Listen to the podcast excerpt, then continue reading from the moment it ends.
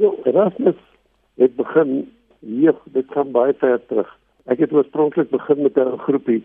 Uh, ons het hulle genoem die Furyheads, omdat ons nou so sleg is met Engels, en ons mag gesê Furyheads. En, en, ons het in die Rustra is is 'n plek waar hulle elke Saterdag 'n rolprent vertoon het. Het ons gespeel voor elke vertoning. En uh, toe dan nog 'n orkes in die dorp ontstaan. En dit was die Gunmen. En nou die die uitstaande musikant van die Gunmen was Dries van Sail, die sanger. En ek het uiteindelik hom gevra kom speel die eerste saam met ons. En so die Erasmus nou maar in begin. Dit is eintlik in 1964, weet wat ek het 'n plakkaat hier teen my muur van van ons eerste kere wat ons opgetree het. Jy sal nou nie glo wat daar staan nie. Daar staan onder andere 'n teenage dance.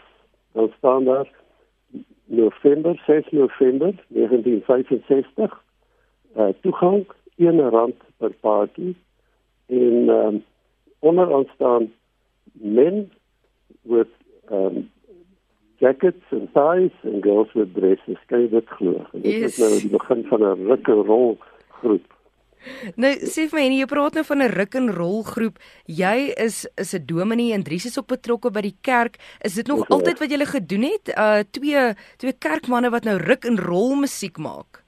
Ai, die ons het ons het net maar so groot gemaak. Ek en Dries ons is uh altyd in die bediening op die oomblik op ons manier alles ons afgetree. Ehm um, ek werk met sterwende mense. Ek is elke dag in die hospitaal. Hulle noem my al dokter as ek daar instap. En ehm um, so dit dis dis eintlik my passie. Dis dis wat ek nog vir baie jare wou gedoen het. Maar in die jong dae het die mense mos maar net een passie jy weet. Jy wil graag aandag trek. Veral as ek dink aan een mannetjie in die hoërskool ek het altyd gesien hy speel gitaar en dan staan al die meisies so kring om hom. En toe gaan leer ek self gitaar speel. En uh, hy was nogal een van my eerste leerlinge maar nee ons ons uh, ek dink dit kom uit ons agtergrond uit dat ons ouers my eie pa is lankal oorlede maar hy het my nooit in sy lewe gespeel nie. Dit was absoluut nie toegelaat dat 'n mens uh, sulke tipe musiek speel as jy Christen is jy weet.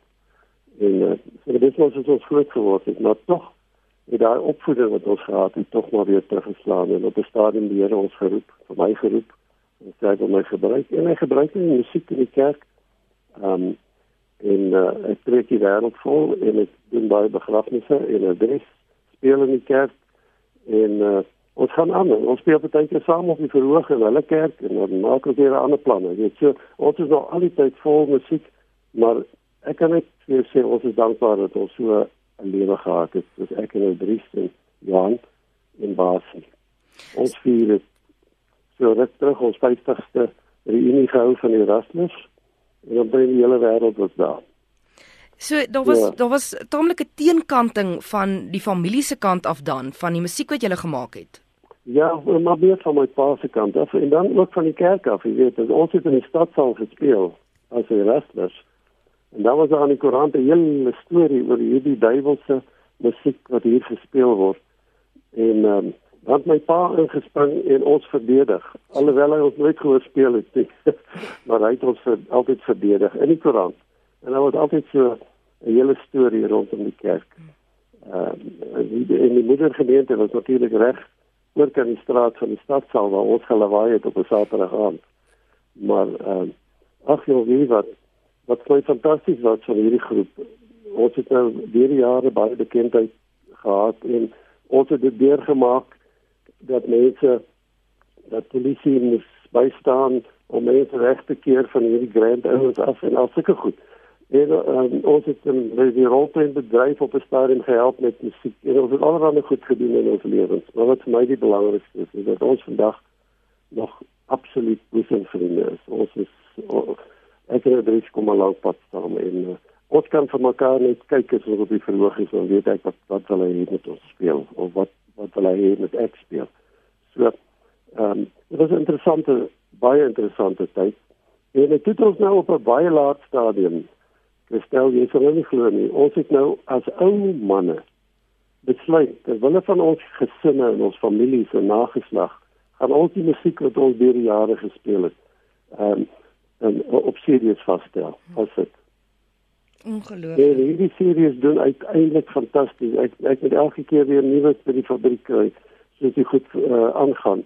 En selfs radio uh, sonder grense het ons ontsaglik baie gehelp. Ons het plaas plaas het ons eerste keer raak gehoor en die begin van ons goed speel en uh, uit daardie van die musiek wat die oomblik nog in vermoere weer gehoor.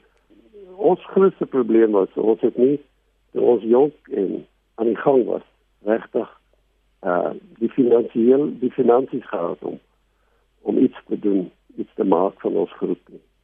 En uh, maar die musiek wat julle hoor op ons uh, op ons CD's is dit klop ou manne met die gemiddelde dink 68 jaar oud die gemiddelde gemiddelde ouderdom 68 en drie sing nog net so hy gesing het toe hy jong laaitjie was. Hmm.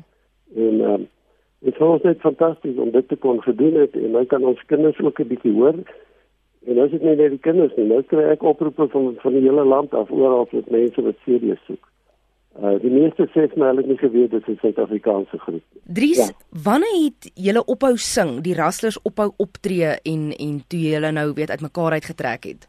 O, so dat uh, man ja, dit is eintlik al 'n hele tydjie terug wat die uh, want want baas hier die baas gitaar speel bly al vir die laaste dink ek 18 16 18 jaar in in in Australië nee. So toe kon ons nou nie werklik saam optree nie, maar ons het nog altyd van die, ons ek en Henny en dan met my seun Michael wat vir ons aan die altyd bygestaan het in die drome, hy toevallig ook op die CD's wat ons opgeneem het, het hy vir ons die drumwerk gedoen, net en en so aan. Want eh uh, een uh, die, die oorspronklike drummer Johan het 'n groot rugoperasie gehad en hy kan nie meer die dinge doen nie. Maar ons het nog altyd aangegaan, so ek sien dat ons ooit werklik opgehou het. Dit is al ek sê.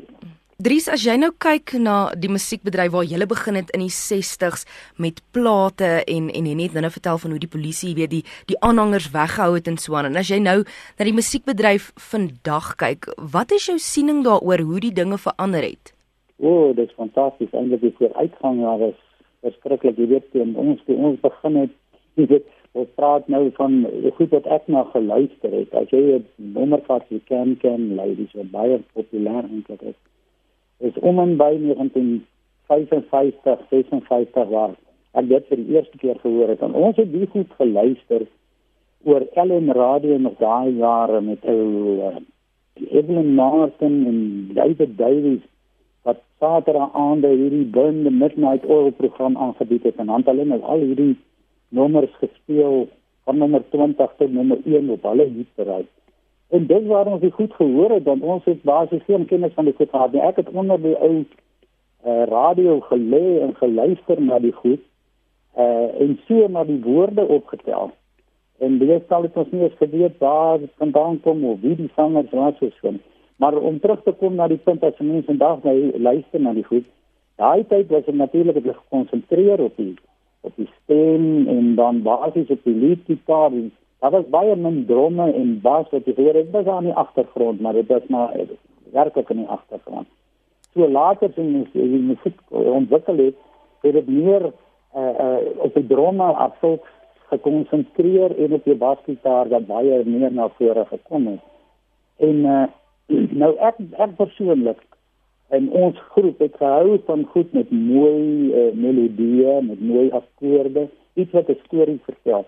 So daar het 'n tydperk in die musiek gekom waar dit baie dat het hulle van gepraat hierdie uh, underground en al daardie tipe van van van musiek wat ons nie eintlik uh, aangestaan het nie. Jy weet dit was nie ons tipe musiek nie, maar dan kom hulle op die ou maak hy maar jy weet so 'n sirkel en kom dit weer terug nou kan maar sê die ou basiese rock and roll tipe van musiek, né? En uh, nou ja, vandag hoor jy baie van die goed van daai ou rock and roll musiek, maar wat baie verander is met al hierdie ekstra instrumente. Vandag basies is ons weet dat meeste van die goed baie van ander speel nie self die musiek maar dit is alles elektroniese instrumente en so. En ons idee was om dit self te doen en die musiek self te doen, ons eie stemme, backing stemme alles daar op te sit. Hmm. En ja, dit is so hoe dinge maar verander het. Daar is baie mooi musiek vandag wat ek van nou en veral in die Afrikaanse musiek het ek verskriklik vooruit gegaan. Al baie mooi. Maar uh, ons idee was om die ou regte soos dit oorspronklik was rock and roll musiek. Dis alhoewel ons ook meer van die 50 en 60er jare se goed opgeneem het. En en het nou net vertel van teenkanting van sy pa se kant af en hy het hom nooit hoor sing en speel nie. Het jy dieselfde van jou familie af ook ervaar? Ja, ag jy weet er uh, uh, uh, ja, nou nie altyd so erg nie, maar die ding is die musiek die daai goed begin hier op in daai jare is dit dat dit nou vir die ou mense gesê wat die Bybelse musiek en die tipe van ding en wat die musiek hulle kan nie hoor wat van woorde en so die tipe ding. Maar uh, ek het altyd 'n voorliefde daar gehad. Van die eerste keer wat ek by Pablo gehad het, het ek boere musiek speel en ek het ook. Ek het eers het ou klaar ou uh, trekklavier te begin speel. Later het ek begin agterkom dat dit is nie ek hou nie daarvan nie. Ek ek het dit agterkom maar stel eintlik in 'n gitaar belang. So net voor ek begin en toe ek nou die goed begin so luister oor die radio, moet ek dit maar sag, jy weet, so op die radio luister want die ouers wat maar nie van die geraas gehoor nie. Jy weet hierdie vreeslike verskillende en skreeuende dinge wat ons kyk nou praat ons en al spreek ek oor dit en daai goed. Nie. Wat op jare was dit in die enigste goed op die bereik gewees. Maar ek het ek, ek het daarvan gehou dit was vir my opgewek en ek het gehou van die ritmes en daai tipe dinge.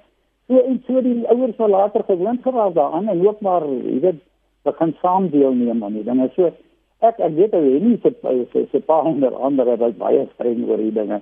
My eiers is nou nie so erg gewees nie maar uh, ja dit is maar probleme wat hy gehad het daai tyd en nou moet ek maar maar, maar lucht, lucht, lucht opvat.